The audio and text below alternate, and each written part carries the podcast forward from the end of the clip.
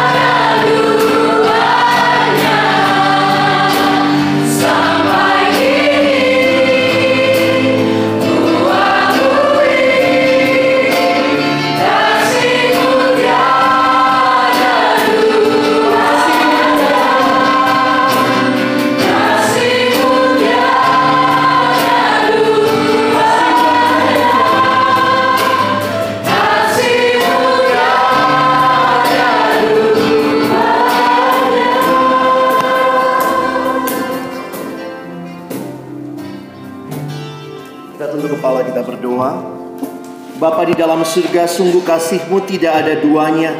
Karena sungguh Tuhan di dalam hidup ini, hanya Engkaulah satu-satunya pribadi yang mengasihi kami apa adanya. Tuhan yang menerima kami. Sementara banyak kasih di dunia ini yang menuntut kepada kami. Dan kami belajar kembali untuk mengerti kasihmu, kasih yang sejati. Tuhan terima kasih untuk kesempatan ibadah kami. Kami sudah memuji nama Tuhan. Kami sudah menyampaikan doa kami kepadamu. Dan kami berdoa kiranya ketika firman akan diberitakan. Waktu kami membuka firmanmu, bukalah juga hati kami. Jadikanlah hati kami seperti tanah yang baik. Supaya ketika benih firman Tuhan ditaburkan. Boleh sungguh-sungguh berakar. Bertumbuh. Dan juga berbuah nyata di dalam hidup kami. Berkati hambamu yang menyampaikan dan setiap kami yang mendengarkan. Tuhan tolonglah kami semua. Agar kami bukan hanya menjadi pendengar-pendengar firman yang setia. Tapi mampukan kami dengan kuasa dari rohmu yang kudus. Kami dimampukan menjadi pelaku-pelaku firman di dalam hidup kami. Bersabdalah ya Tuhan. Kami umatmu sedia mendengarnya. Dalam satu nama yang kudus. Nama yang berkuasa nama Tuhan kami Yesus Kristus. Kami menyerahkan pemberitaan firman. Amin. Silakan duduk. Shalom. Selamat apa nih ya? Selamat siang teman-teman sekalian. Um, saya sedikit ubah urutan temanya. Karena memang uh, sesi seperti ini du dari dulu dikenalnya LSD. Tapi waktu merenung lebih dalam kayaknya makanya mungkin gitu ya baru ketemu kayak film Hollywood ya. Ketemu bentar di kafe-kafe langsung nge-sex. ya. Harusnya love, dating, marriage, lalu seks, ya. Jangan tempatkan seks sesudah love, ya. Karena Alkitab bicara seks, hubungan seks di dalam relasi. Makanya di dalam uh, saya nggak tahu kalau kalian pakai MHBC itu uh, eh, LSM ya, Love, Sex and Marriage ya. Jadi bicaranya pernikahan baru kita boleh bicara seks. Saya akan tolong teman-teman untuk mengerti beberapa hal ini Sekali lagi, sesi yang singkat ini tidak bisa memberikan semua jawaban terhadap apa yang mungkin jadi pertanyaanmu. Tapi kiranya ini menjadi pengantar untuk kita mungkin bisa berdiskusi, kita bisa share satu sama lain ya. Di dalam kehidupan manusia, setiap tahap punya yang namanya tugas perkembangan. Jadi secara psikologis, yang namanya setiap tahap usia itu punya yang namanya tugas perkembangan. Kalau kalian belajar psikologi itu namanya developmental task. Jadi masa anak-anak tugas perkembangannya beda dengan masa remaja. Contoh, masa anak-anak itu tugas perkembangannya adalah mengenal bentuk, mengenal warna. Makanya kalau kalian lihat mainan anak-anak itu selalu berbentuk tertentu dan tidak bentuk penuh. Jarang gitu ya mainan anak langsung bentuknya mobil. Enggak. Mainan anak itu semua kayak puzzle kecil-kecil karena anak kecil itu mengenalnya bentuknya dulu. Ini bulat, ini segi empat, ini warnanya apa. Jadi tugas perkembangan anak dia harus tahu bentuk. Nanti ada lagi tugas kasih sayang ketika dia nangis harus langsung dipeluk.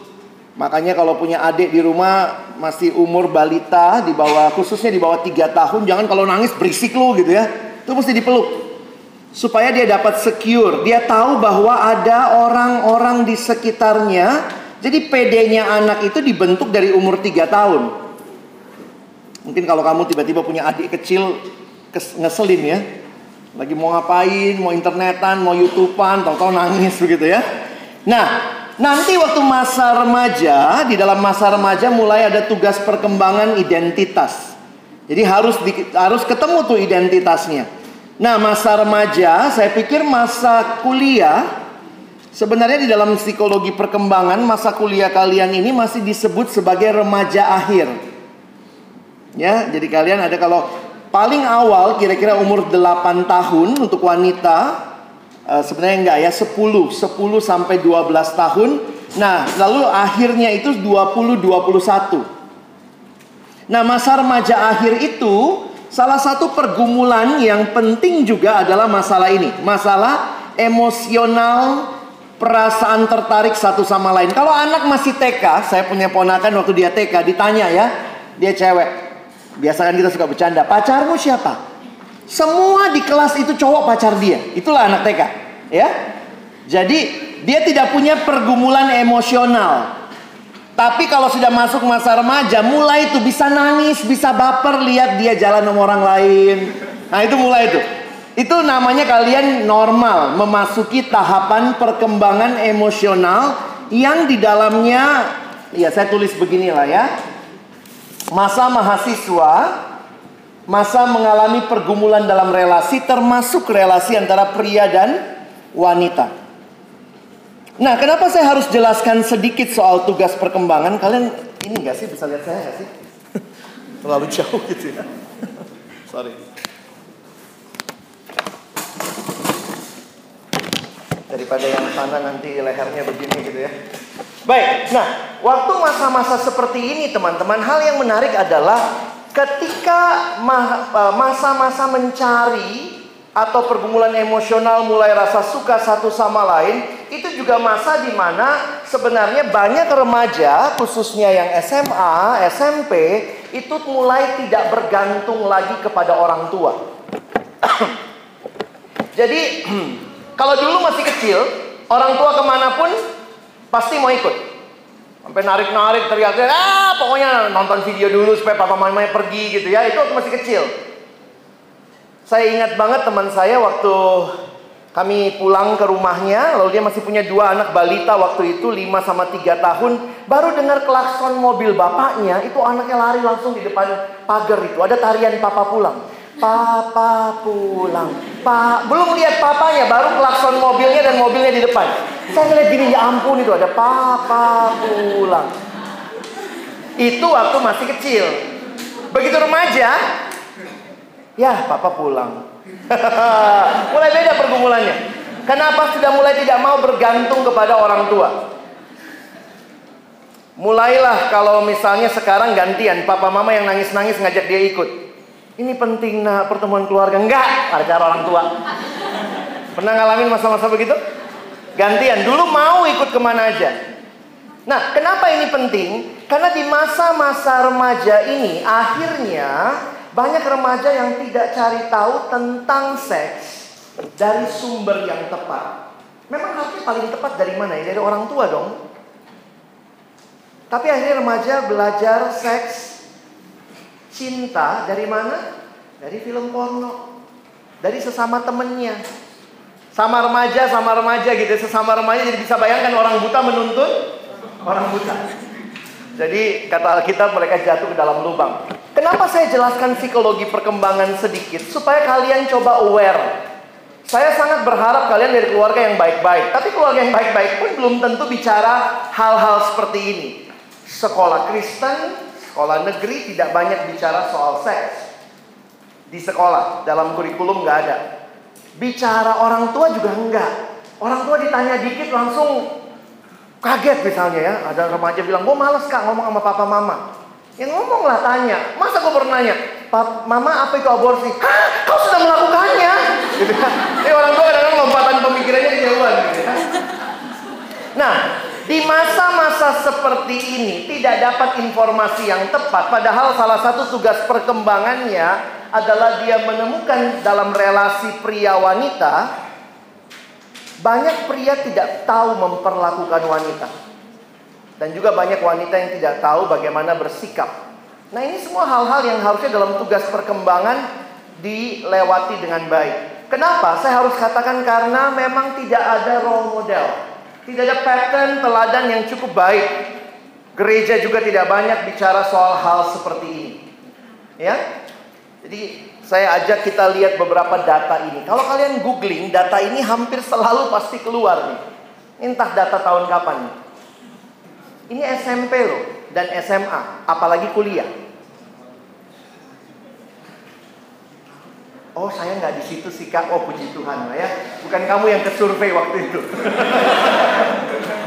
Karena kalau kamu survei mungkin jadi 100%, 100%.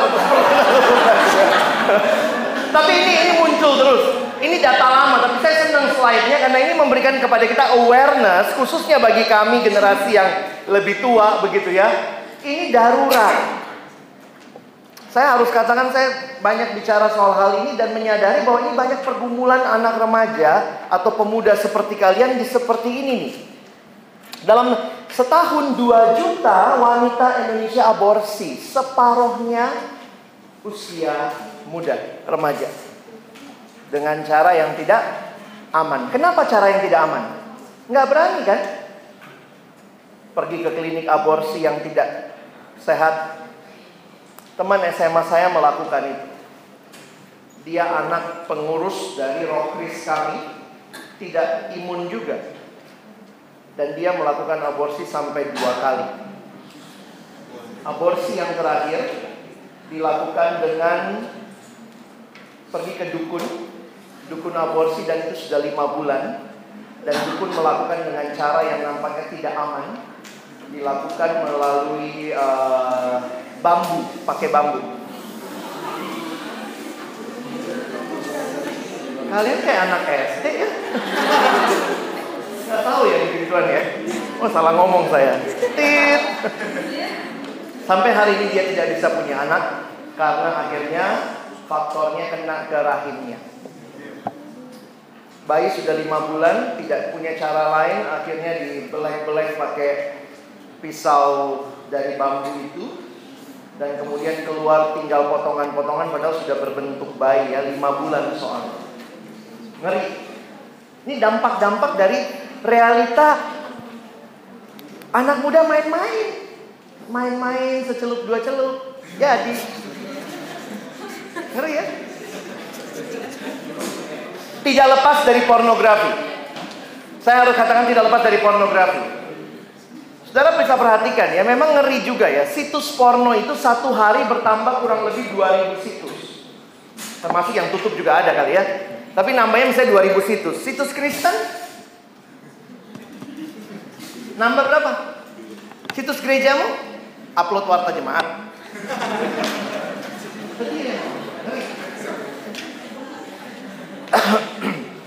Coba orang Kristen, coba sebutkan 10 apps atau website Kristen yang bagus. Warungsate.com ODB Kok gak yakin kalian bisa sebut sampai 20? Karena jarang-jarang dibuka juga kan. CW. CW bagus ya. Saya kalau lihat tuh websitenya ini maintain dengan baik. IGPO kita apa isinya? Pembicaranya siapa? Foto pelayan gitu. Jadi memang kadang-kadang kalau arus informasi kita mesti ber, berpikir serius tentang pelayanan media. Tidak bisa cuma sekedar seenaknya. Pornografi begitu kuat teman-teman. Dan saya harus katakan dulu surveinya begini. Sep, apa, 7 dari 10 pria SMA terpengaruh pornografi. Sekarang nggak bisa begitu lagi. 10 dari 10 pria terpengaruh pornografi. Karena kayaknya semua udah terekspos. Nah saya sedang membayangkan begini. Internet sehat pun kita tahu proksinya bisa di uh, unblock begitu ya. Nah, kalian bisa bayangkan kalau kira-kira 10-15 tahun ke depan anak Fakultas Hukum UI yang menjadi penentu kebijakan hukum di Indonesia tapi penikmat pornografi dari muda, maka mungkin nanti tidak ada lagi internet sehat karena kalian yang duduk di sana mengatakan I like it. Mari buka jadi akhirnya saya masih melihat lah ya, ketika masih ada anak-anak Tuhan yang mau berkata tidak. Kenapa di luar sana pornografi jadi bebas? Mereka negara post-Christian, dulunya Kristen. LGBT jadi legal. Kenapa? Saya pikir mungkin karena yang disusupi juga anak-anak hukumnya. Pembuat-pembuat kebijakan. Ya, yang penting kasih sayang kak, laki perempuan sama aja. Yang penting kasih sayang. Hah? Dosen saya bilang, please keep in your mind when God first created human, He created Adam and Eve, not Adam and Steve. ya, ya, ya. Ini diskusi lain lagi ya. Kalau kalian penikmat, pelaku, pecinta, toleransi yang berlebihan kepada ini, maka mungkin hukum Indonesia 10-15 tahun depan legal-legal lama juga gitu ya. Sorry ya, saya bicara sedikit faktor hukumnya. Apa hubungannya seks sama hukum? Kalau kamu tukang konsumsi, penikmat, maka waktu kamu duduk menjadi orang yang membuat kebijakan, kamu akan merasa it's, it's okay. Semua orang melakukannya. Bagaimana dengan ini?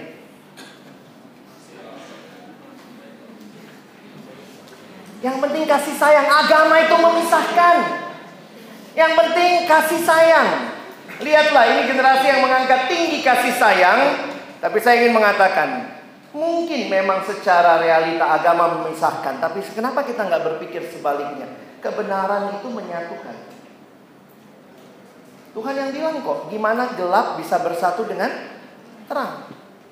Oh penikmatnya, pelakunya nanti 10-15 tahun depan lihat hukum Indonesia. Mungkin kamu akan menghapuskan. Mungkin. Oh itu hak asasi. Saya pikir kadang-kadang kita masih bersyukur lah. E, mayoritas agama di Indonesia adalah Islam. Dan banyak hal dalam Islam diharamkan. Yang sebenarnya itu juga sumbernya Kristiani. Negara yang sangat post-Christian, sangat mengagungkan hak asasi, nggak tahu lagi kebenaran.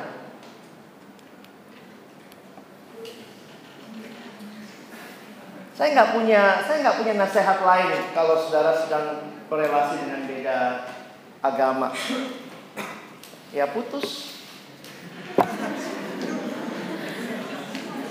Tapi kak, tapinya kamu bisa rasionalisasi. Kita gampang sih rasionalisasi ya. Kadang Tuhan menguji manusia katanya dengan cinta beda agama hanya untuk memastikan apakah manusia lebih mencintai pencipta atau ciptaan. Jawab sendiri ya. Nah, sekarang kita bicara love-nya dulu. Saya mau cepat di sini ya. Kata love, cinta, kasih itu kata yang sebenarnya sangat sacred di Alkitab, sakral. Tapi sekarang ini udah jadi kayak kacang goreng di luar sana ya. I love you begitu ya. Love, cinta, kasih, seluruh bahasa di dunia punya ekspresi cinta kasih. Ya. Ini apa? Metal. Ini sign language-nya orang orang tuli. Orang bisu. I love you. Jadi kalau begini artinya I love you. Coba bilang sama sebelahnya. ya. Jadi saya mau memberitahukan kepada teman-teman bahwa I love you. Gitu kan namanya I love you panjang kan? Nah, gitu ya. Langsung. Nah, ini kasih itu bahasa yang universal. Dan saya pikir Kenapa? Karena sebenarnya Tuhan yang menciptakan, menitipkan kasih kepada manusia. Dibanding hewan, dibanding tumbuhan, manusia adalah satu-satunya makhluk yang bisa merasakan relasi, termasuk relasi kasih. Sehingga kalau teman-teman perhatikan, sayangnya memang kita kalau bicara kasih langsung bayangannya laki perempuan. Ini kasih atau bukan? Kasih juga lah ya, orang tua anak, ini kalau dia bisa ngomong kali ya. Dulu tuh nah. Ini cinta juga nggak? Ya, cinta bangsa, cinta negara, cinta tanah air. Saya selalu terkesan sama kalimatnya satu putri Indonesia dulu ya. Waktu ditanya, biasalah ya kan pas kalau udah yang terakhir-terakhir mereka pakai headset kan. Dua tinggal tiga orang lalu ditanya. Indonesia luas sekali. Kalau harus memilih Mana yang kita bangun? Tanahnya atau airnya? Gitu ya. Terus kemudian uh, putri Indonesia yang satu uh, mikir bentar, ya kita harus bangun uh, airnya karena kita negara maritim gitu-gitu ya. Terus kemudian saya terkesan sama satu putri Indonesia yang jawabannya ini kalau jadi putri Indonesia ingat jawabannya ya. kita tidak bisa memilih. Dua-duanya harus dibangun karena bangsa kita namanya tanah air. Wih, gitu ya. Wih, cinta banget ya sama tanah air ya. Itu cinta. Love. Silakan ikut Putri Indonesia. Persahabatan juga love. Tapi memang sering kali kita melihat yang yang yang kayak begini nih ya. Ya, antara laki perempuan begitu ya. Nah, saya ingin mengajak kita belajar. Kalau kita mau belajar tentang kasih, if you want to learn about love, coba lihat apa yang Alkitab sampaikan kepada kita. Karena apa? Alkitab berkata Allah adalah kasih. Coba buka ayatnya sebentar ya. Karena Allah adalah kasih, teman-teman dan saya waktu mau belajar kasih jangan dari drama Korea, begitu ya, nggak pas ya. Belajarnya dari Allah. Kalau nggak bawa kita lihat di atas ya. Kita baca sama-sama satu dua ya. Dalam hal inilah kasih Allah dinyatakan di tengah-tengah kita yaitu bahwa Allah telah mengutus anaknya yang tunggal ke dalam dunia supaya kita hidup olehnya. Inilah kasih itu bukan kita yang telah mengasihi Allah, tetapi Allah yang telah mengasihi kita dan yang telah mengutus anaknya sebagai pendamaian bagi dosa-dosa kita. Ketika kita bicara tentang kasih, kalian perhatikan salah satu tips yang saya pelajari khususnya perjanjian baru. Hampir setiap kali Alkitab Perjanjian Baru menjelaskan kasih, selalu dia relasikan dengan Allah mengutus anaknya. Waktu Alkitab Perjanjian Baru bicara kasih ayat 10, inilah kasih itu Allah yang telah mengutus anaknya. Jadi seolah-olah begini, waktu kita bicara kasih, yang dikasih tahu sama kita adalah sebuah perbuatan Allah memberikan anaknya. Kalau teman-teman mau belajar tentang kasih, lihat bagaimana Allah memberikan anaknya. Demikian juga Yohanes 3 ayat 16 kan? Karena begitu besar kasih Allah akan dunia ini. Terus? Sehingga ia telah mengaruniakan anaknya yang tunggal. Jadi kasih dikaitkan dengan Allah mengaruniakan, Allah mengutus anaknya yang tunggal.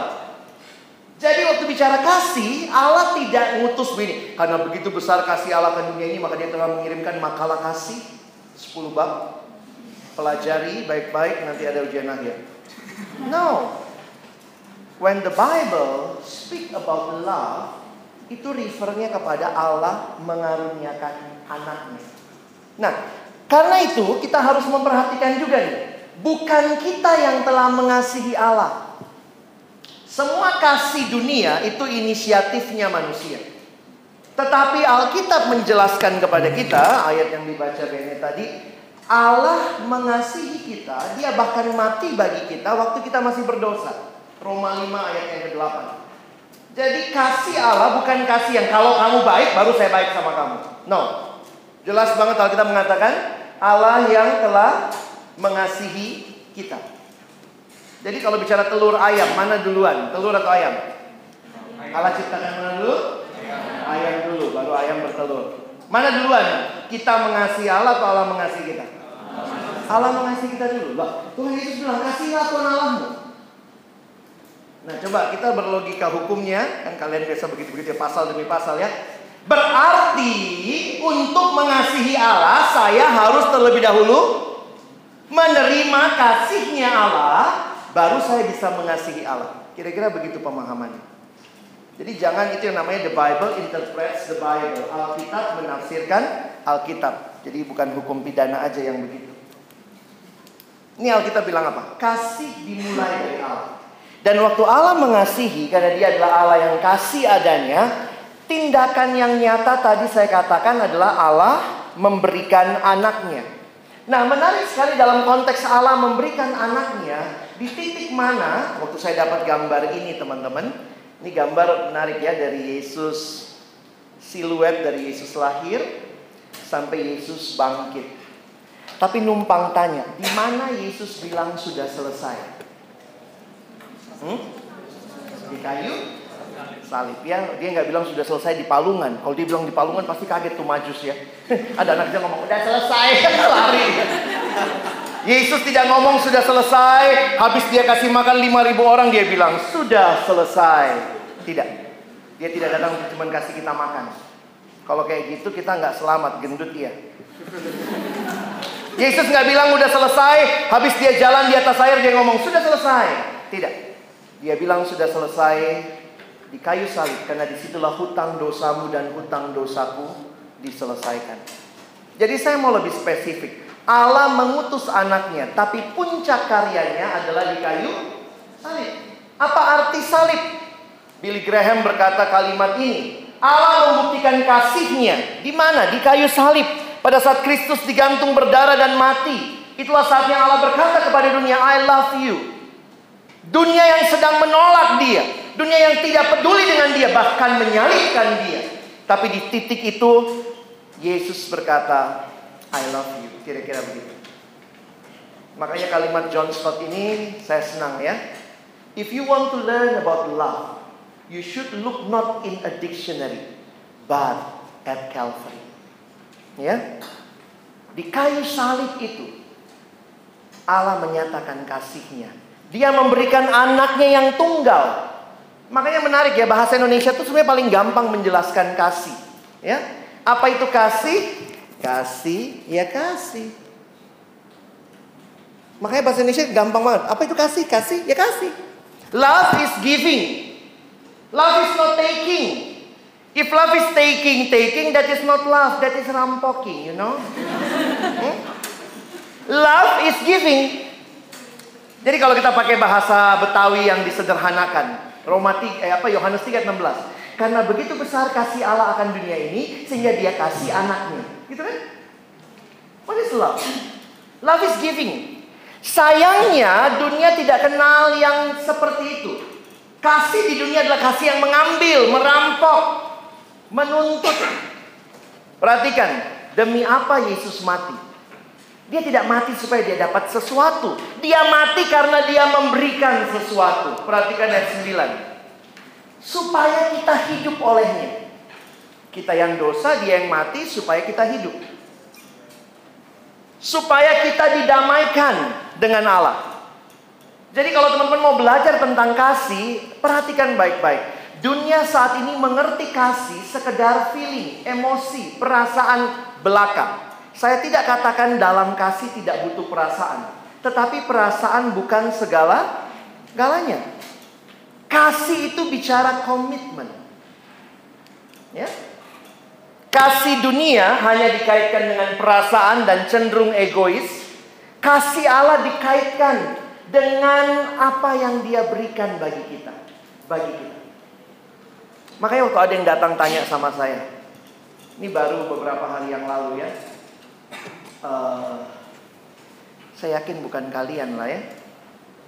Ngirim ke saya DM IG. Karena saya kadang-kadang nggak terlalu kepo lah. Orang tanya ya saya jawab begitu ya. Dan dia tanyanya begini. Abang, pacar saya minta itu itu apa juga saya nggak tahu. Udah dijelasin, ternyata pacarnya minta ciuman.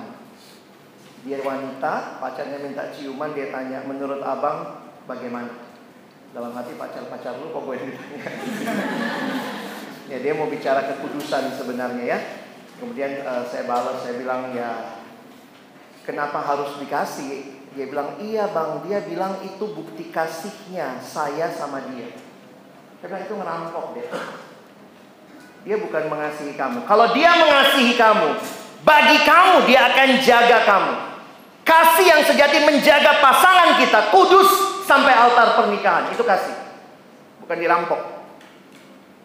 Tapi kan semua orang pada begitu pacarannya. Ya silakan, mau ikut semua orang silakan. Tapi kalau kita mengerti yang namanya kasih, kasih itu bukan berorientasi pada kepuasan saya, kemauan saya, maka saya akan jaga dia sampai altar pernikahan dengan kudus. That is true love.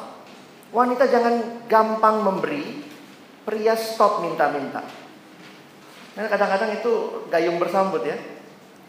Ceweknya memang lagi pengen, dielus-elus kepalanya. Kamu dielus-elus nikmatin, cowoknya horny. Oh sorry ya, ini bahasa-bahasa kalian sekarang. Dan nggak gampang kan menahan nafsu. Ada satu anak email saya, abang, kenapa ya? Uh, saya baru pulang retet sama dia dari IPB ya. Uh, ya sebut kampusnya. saya mungkin kenal. Kenapa? Ini peristiwa 20 tahun lalu. iya. Sekitar tahun 98. Sekarang dia udah menikah, udah punya anak ya. Terus dia kirim email. Bang, makasih ya. Sesinya saya banyak dapat ya. Bang, uh, boleh nanya nggak? Kenapa ya saya kalau lihat cewek bajunya seksi-seksi dia cowok soalnya. Saya kalau lihat cewek bajunya seksi-seksi kok saya terangsang. Kan selalu ya saling menjaga lah wanita yang berpakaian yang semestinya lah ya. Pria jaga mata. Jadi waktu dia ngomong begitu saya balas emailnya. Dek, puji Tuhan kamu normal. Kalau kamu nggak terangsang, mari ikut saya ke dokter ya. Tapi poinnya saya lanjutkan. Waktu kamu terangsang, apa yang kamu lakukan? Mungkin itu yang bikin kamu jatuh dalam dosa. Terangsang itu wajar. Tapi masalahnya waktu terangsang, khususnya yang pria ya, apa yang dilakukan? Kita pelototin, kita renungkan, kita saat teduhin, nah jatuh kamu. Ya, Karena apa? Kita ini makhluk yang punya nafsu. Jangan takut sama nafsu karena nafsu Tuhan yang kasih. Yang tidak boleh di Alkitab itu hawa nafsu. Memang bahasa Indonesia tipis bedanya ya. Nafsu itu desire. Hawa nafsu itu lust. Jadi lust itu ketika desire itu yang tidak pada tempatnya dinikmati. Desire seks itu Tuhan yang kasih loh. Nggak mungkin kan orang menikah tidak punya nafsu. Malam pertama suami lihat istri telanjang, istri lihat suami telanjang terus apa itu oh daging lewat gitu. Nggak bisa. Ya kan? Makanya sekarang ada obat-obat pembangkit nafsu. Kenapa? Banyak orang tidak bisa lagi melihat karena udah mungkin terlalu biasa atau dia free sex gitu ya. Waktu lihat itu udah kayak biasa gitu. Makanya sekarang ada obat makin nafsu. Termasuk makanan kan. Kita butuh nafsu makan nggak? Butuh dong. Coba kamu lihat makanan. Makanan lihat kamu. Terus kalian lihat, lihat data. Kita butuh nafsu makan, ya. Nah, yang masalah adalah ketika nafsu itu tidak dipakai di tempat yang tepat, waktu yang tepat, ya. Jadi kenapa kita bicara kasih? Karena kasih ini melandasi semuanya. Kalau kamu berpacaran, kamu menikah, dan kasih mendasarinya, maka fokusmu bukan apa yang kamu mau saja, tapi apa yang kita berikan kepada pasangan kita. Fokusnya bukan yang penting saya senang, tapi bagaimana saya menjaga dia dengan baik. Nah, sementara tren cinta kaum muda pada masa ini, sorry ya ini gambar saya banyak buatan SMA ini ya. Dianggaplah kalian SMA gitu. Siapa lagi? Apa sih pacaran itu? Nah, sekarang kita masuk ke datingnya. Love-nya saya harap udah clear. Kita tiru Allah, Allah yang memberikan segala-galanya bahkan memberikan nyawanya. That is the true love. Ya. Datingnya, hati-hati dengan konsep-konsep pacaran masa kini. Semua orang pacaran malu dong kalau jomblo terus. Kalau gitu kayak semua orang mati, malu dong kalau nggak mati gitu. Itulah ikut tren. Kalau udah nggak asik ya putus saja. Serius amat sih mikirnya. Wah kolot banget gaya pacarannya ketinggalan zaman tuh. PA bareng, doa, ini lu mau kelompok PA atau pacaran gitu ya?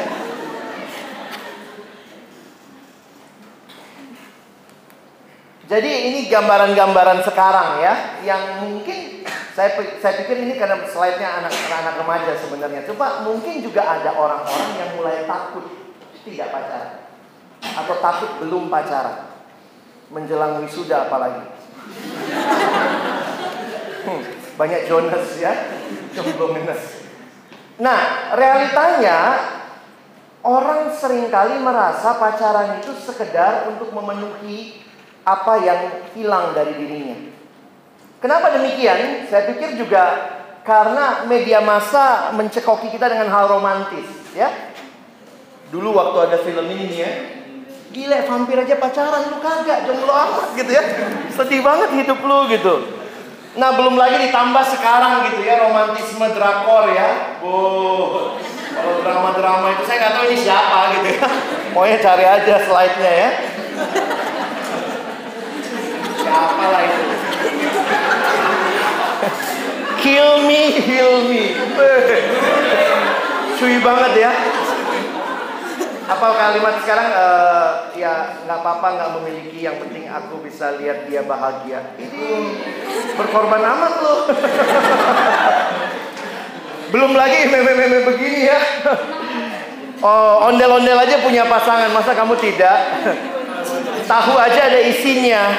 Hati kamu masih kosong. Truk aja punya gandengan, kok situ enggak? Wisuda cuma didampingi orang tua, itu wisuda atau ambil rapor?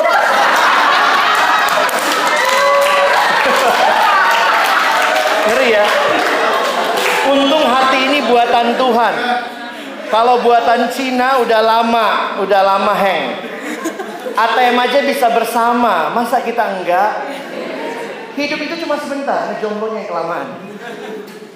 Kalau sejarah PKI kau bilang kelam, lalu kisah cintamu itu mau kau sebut apa? Cinta itu ibarat hukuman mati. Kalau nggak ditembak ya digantung. Aduh.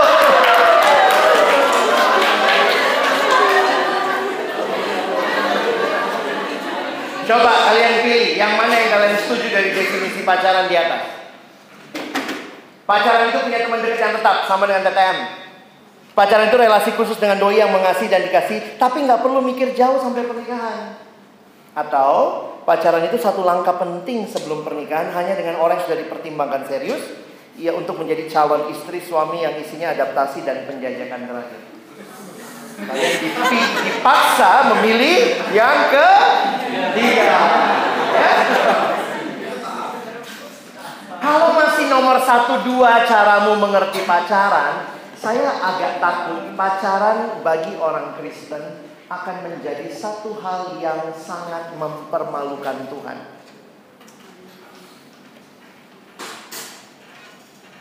Saudara-saudara kita itu yang jili-jili itu ya.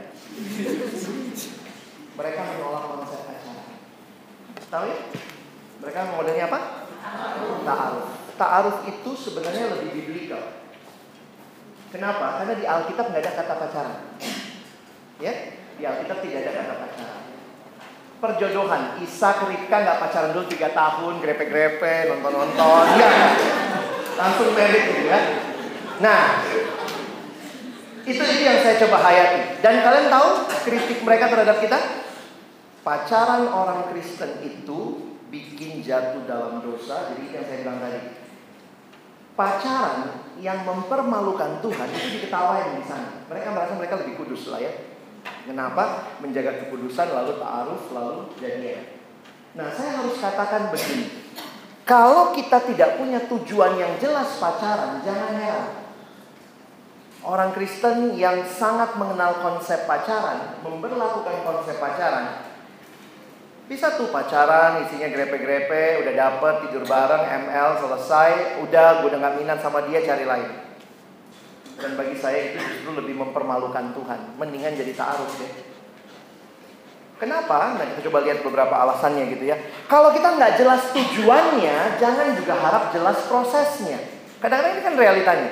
Kalau tujuannya aja nggak jelas, kalau tujuannya just having fun, pacaran cuma having fun, makanya ya udah kan nggak bakal sama dia. Tapi kalau inilah yang saya harus jaga sampai altar pernikahan, tapi bang pacaran bisa putus nggak? Bisa, saya ngerti bisa. Tapi kalaupun bisa putus, jangan kemudian cara berpikirnya kan bisa putus, main-main aja. Kalau serius ya udah kadung, terlanjur. Tidak, dari awal pikirkan serius. Kalau nggak cocok putus. Nggak cocok apanya? Bukan nggak cocok habis dipakai gitu ya? Enggak. Yang nggak cocok adalah mungkin karakter kalian bergumul, latar belakang perbedaan keluarga. Tapi tidak mempermalukan Tuhan dengan ketidakkudusan. Nah ini yang hati-hati. Jadi mana yang benar ya? Saya pikir eh, kadang-kadang kita mesti bisa mendefinisikan ini. Apa bedanya teman sama sahabat? Mana yang lebih banyak bisa kita punya? Teman apa sahabat? Teman. Teman lebih banyak. Sahabat lebih sedikit. Sahabat sama pacaran bedanya apa?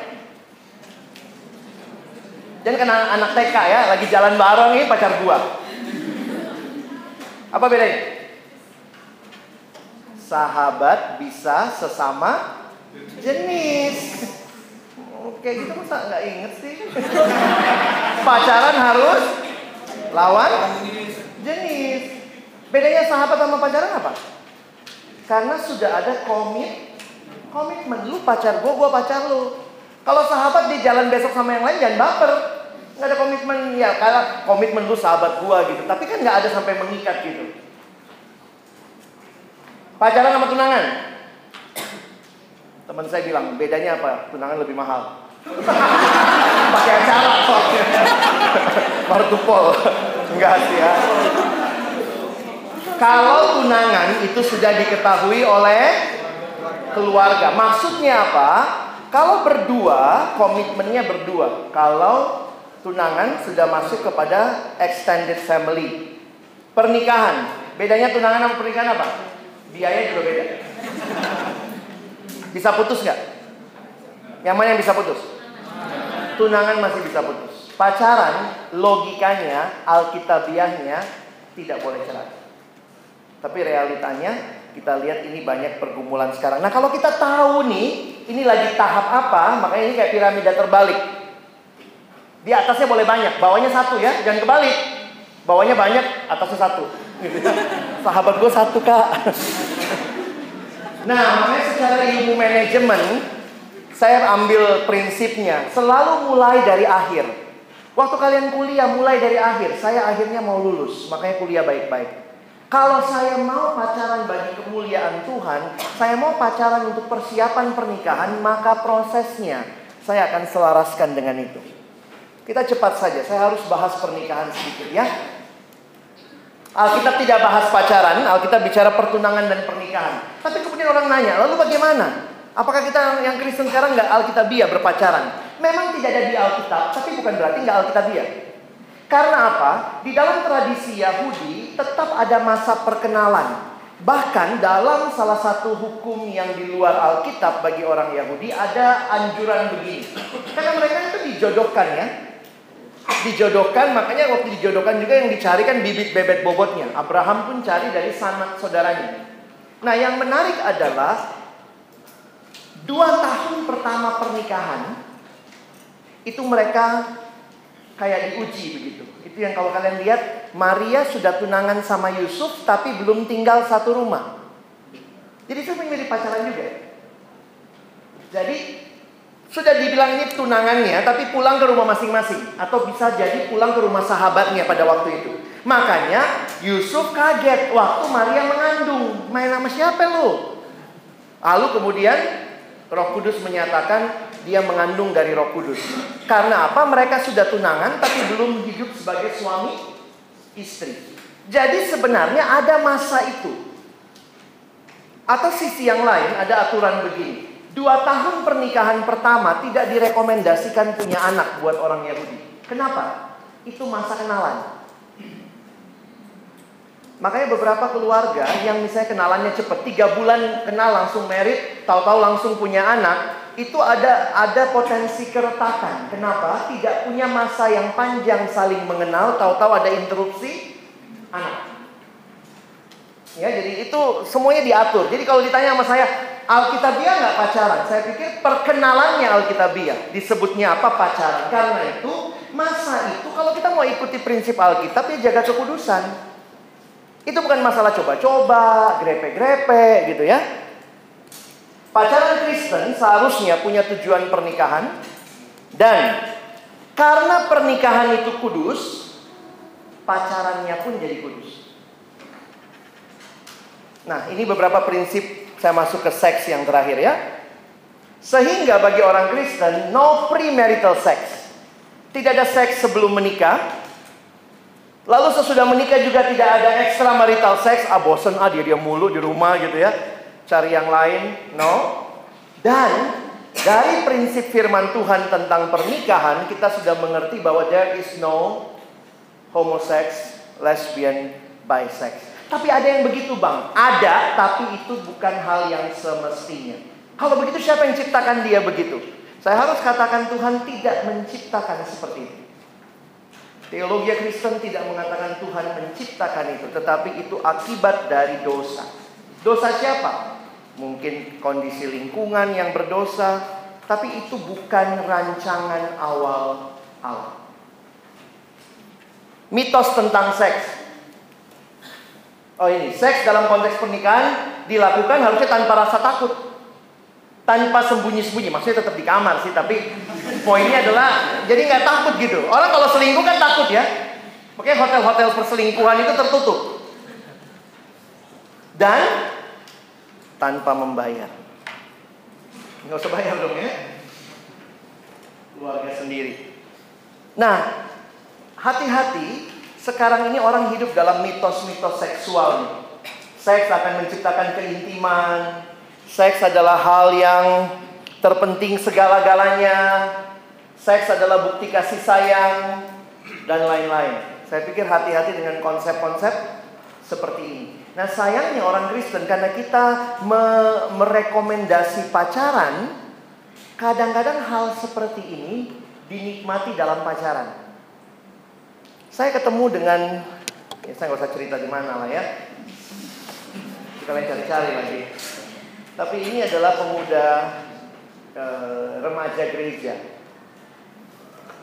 Dia ketua remaja, pacaran sama ketua remaja sebelumnya. Ceweknya ketua remaja, cowoknya ketua remaja juga sebelumnya. Cowoknya sudah kuliah tingkat satu, ceweknya kelas 3 SMA. Waktu datang ke saya cerita, dia bilang, Kak Alex boleh ngobrol nggak? Iya, terus kemudian dia cerita lah. Iya kak, uh, saya sama pacar saya udah kejauhan. Sampai mana jauhnya? Ini kalau psikologi itu mesti tanya ya, jauhnya sampai mana? Ya gitu deh kak, gitu apa? Jadi jelasin lah, ternyata dalam penjelasannya saya mengerti mereka sudah melakukan petting. saling merangsang sampai puas tapi masih pakai baju lengkap atau kadang telanjang tapi belum sampai relasi suami istri. Tapi dia bilang, "Iya, Kak." Saya bilang, "Berapa kali kalian lakukan?" "Beberapa kali, Kak." "Di mana?" "Di rumah saya, Kak." Kalau papa mama nggak ada di rumah, pacarnya datang. Terus sudah kalian lakukan itu apa yang kalian rasakan? Sedih sih kak kita berdoa minta ampun karena gue dokter remaja. Habis minta ampun, kami puasa kak.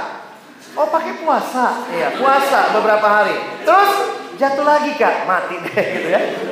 Jadi kemudian dia nanya, Kak Alex ada rekomendasi nggak buat saya? Apa yang saya harus lakukan? Ketepatan pacarnya ganteng. Cowoknya ini ya.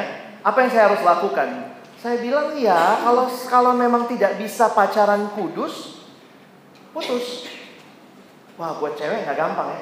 Tapi dia udah merusak saya kak. Saya ini pertama loh sama dia kak. Saya akan jaga dia. Saya nggak bisa. Semangatmu begitu.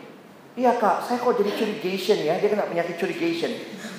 Maksudnya gini, jadi pacarnya itu setiap kali dia kalau SMS ya, lagi di mana? Ini lagi makan, kan pacarnya kuliah, lagi makan sama teman-teman. Siapa aja temannya?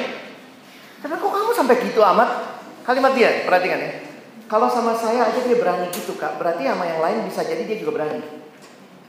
Jadi saya harus katakan, hubungan seks sebelum menikah nggak menciptakan keintiman, tapi mengidap curigation. Saya bilang sorry ya kalau Kak Alex uh, bilang kamu putus. Tapi Kak, kalau saya putuskan saya udah dirusak begini begini begini. Saya bilang terserah kamu. Poin saya adalah kalau mau pacaran kudus, pacaran depan orang tua misalnya. Pacaran di mall, di mall yang di tempat rame. Jangan saya nggak rekomendasi kalian nonton. Karena nonton tuh gelap. Saya sama istri saya waktu pacaran kami nonton itu kira-kira tiga bulan sebelum kami menikah. Tiga tahun lebih kami pacaran nggak pernah nonton. Kenapa? Saya tahu saya lemah. Saya bilang sama istri saya, sorry. Cewek biasanya gelendotan apa? Ngapa abang abang? Saya lemah. Saya tahu diri. Walaupun saya hamba Tuhan, saya harus bilang sama dia, sorry deh, saya lemah. Sampai memang agak ekstrim saya memang ya, karena saya juga sadar, saya terpengaruh pornografi umur uh, kelas 5 SD. Jadi banyak hal yang saya pikir nggak kudus pikiran saya. Saya harus jaga diri. Cewek biasa dia gandeng saya, saya bilang lepasin deh. Apa sih cuma gandeng dong lepasin? Lu mau selamat nggak? eh jangan kasih tahu istri saya ya, saya ceritain. Tapi itu itu realita yang saya pikir saya juga nggak sanggup gitu. Saya harus tahu kenapa ada orang disentuh aja udah terangsang. Kamu mesti tahu batasanmu. Jadi kalau ada yang nanya, abang dulu pacaran pernah ciuman nggak? Saya cium istri saya selama pacaran tiga tahun setengah. Saya cium dia tiga kali. Pada waktu ulang tahun, di depan keluarganya, dan cium pipi. Itu cium kan? Emang cium saja?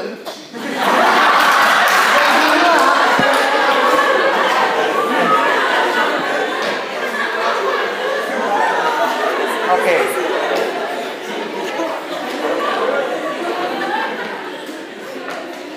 Terakhir ya. Kita baca ayat ini sama-sama satu dua ya.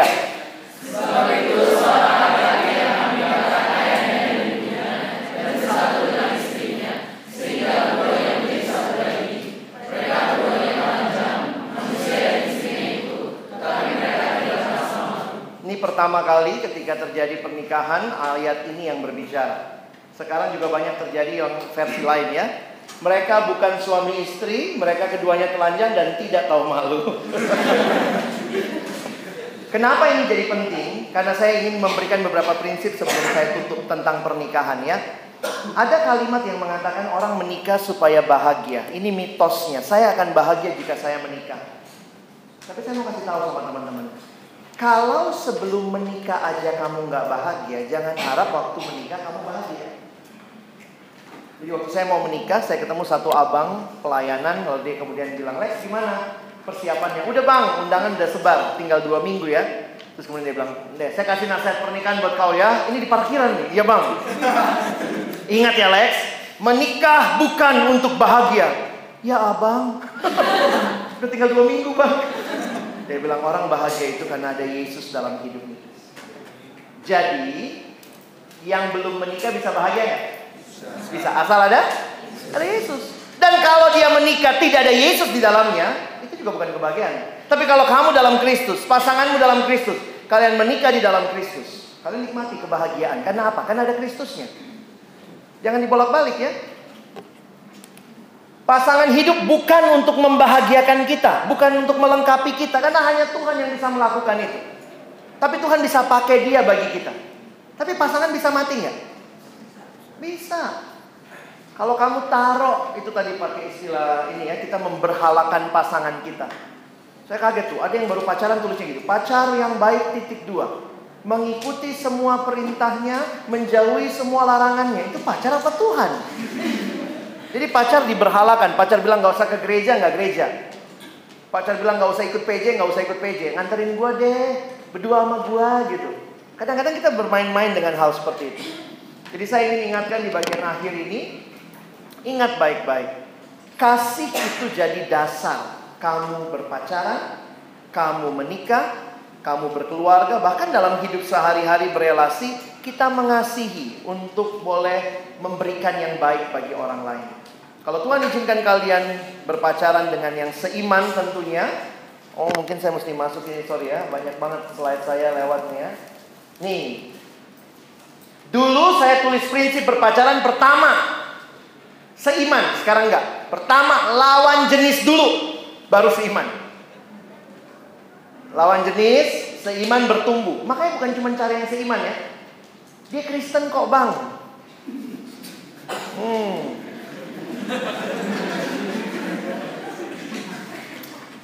saya ya sorry ya saya saya banyak ketemu kasus ada lagi yang barusan kontak gitu ya. Semua kontaknya di IG anak sekarang ya. Bang bagaimana menghadapi suami saya? Ah, udah nggak? Kalimat pertamanya bang boleh nggak cerai? Eh bagaimana pandangan kita tentang perceraian? Ini pengurus kampus. Saya bilang nggak boleh kan dek? Kamu udah tahu itu. Iya bang. Bagaimana rasanya ketika hamil 9 bulan, eh, 8 bulan sekian hari, suami sedang jalan nginep di Anyer sama cewek lain. Bagaimana bang? Apa yang saya harus lakukan? Saya bingung juga kan. Oke deh, kau tahu dari mana? Saya tahu persis bang, ada yang melihat. Ini bukan kali pertama bang Dia sudah jalan sama cewek itu Saya lagi hamil 8 bulan sekian hari Akhirnya terakhir saya tanya Kau dapat pacarmu di mana? Dia Kristen bang Tapi nggak bertumbuh Salahmu sendiri Sorry Kalau kita nggak serius dengan pertumbuhan Label Kristen tidak menjamin orang itu mengerti apa arti mengasihi, apa arti mengampuni. Makanya buka mata di sini-sini aja dulu ya, lihat kiri kanan tadi. Siapa yang jomblo? Kita kan cuma angkat begitu lihat juga.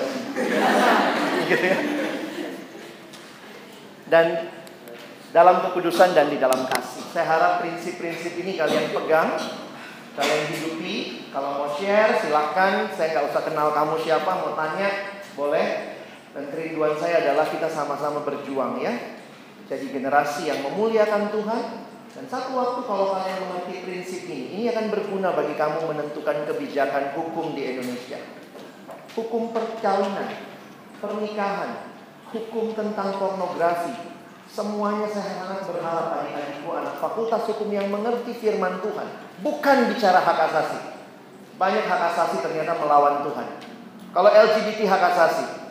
Tapi itu bukan rencana Tuhan. Saya katakan itu melawan Tuhan. Ya, mari kita berdoa.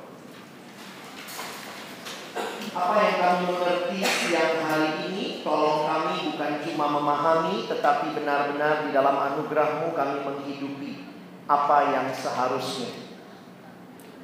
Tuhan yang sudah menciptakan kami Tuhan yang juga menciptakan seks untuk dinikmati dalam relasi suami dan istri Tuhan yang sama yang mempertemukan kami dengan orang yang menjadi pasangan hidup kami. Kepadamu kami berserah dan kami mau taat mengikuti apa yang menjadi kehendakmu.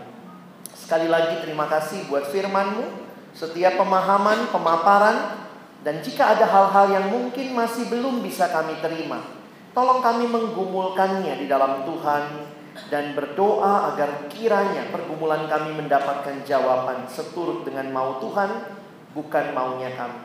Kalau ada hal-hal yang harus kami batasi sejak hari ini dengan pasangan kami, tolong ya Tuhan.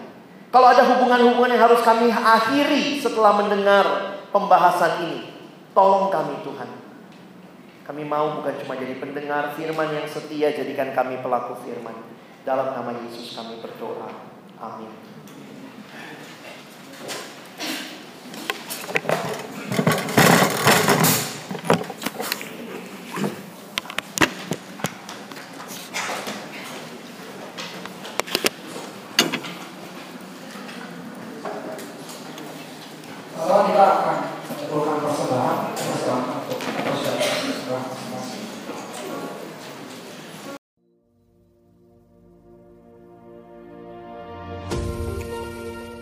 You are listening to Alex Nanlohi Podcast To know the Lord and to make Him known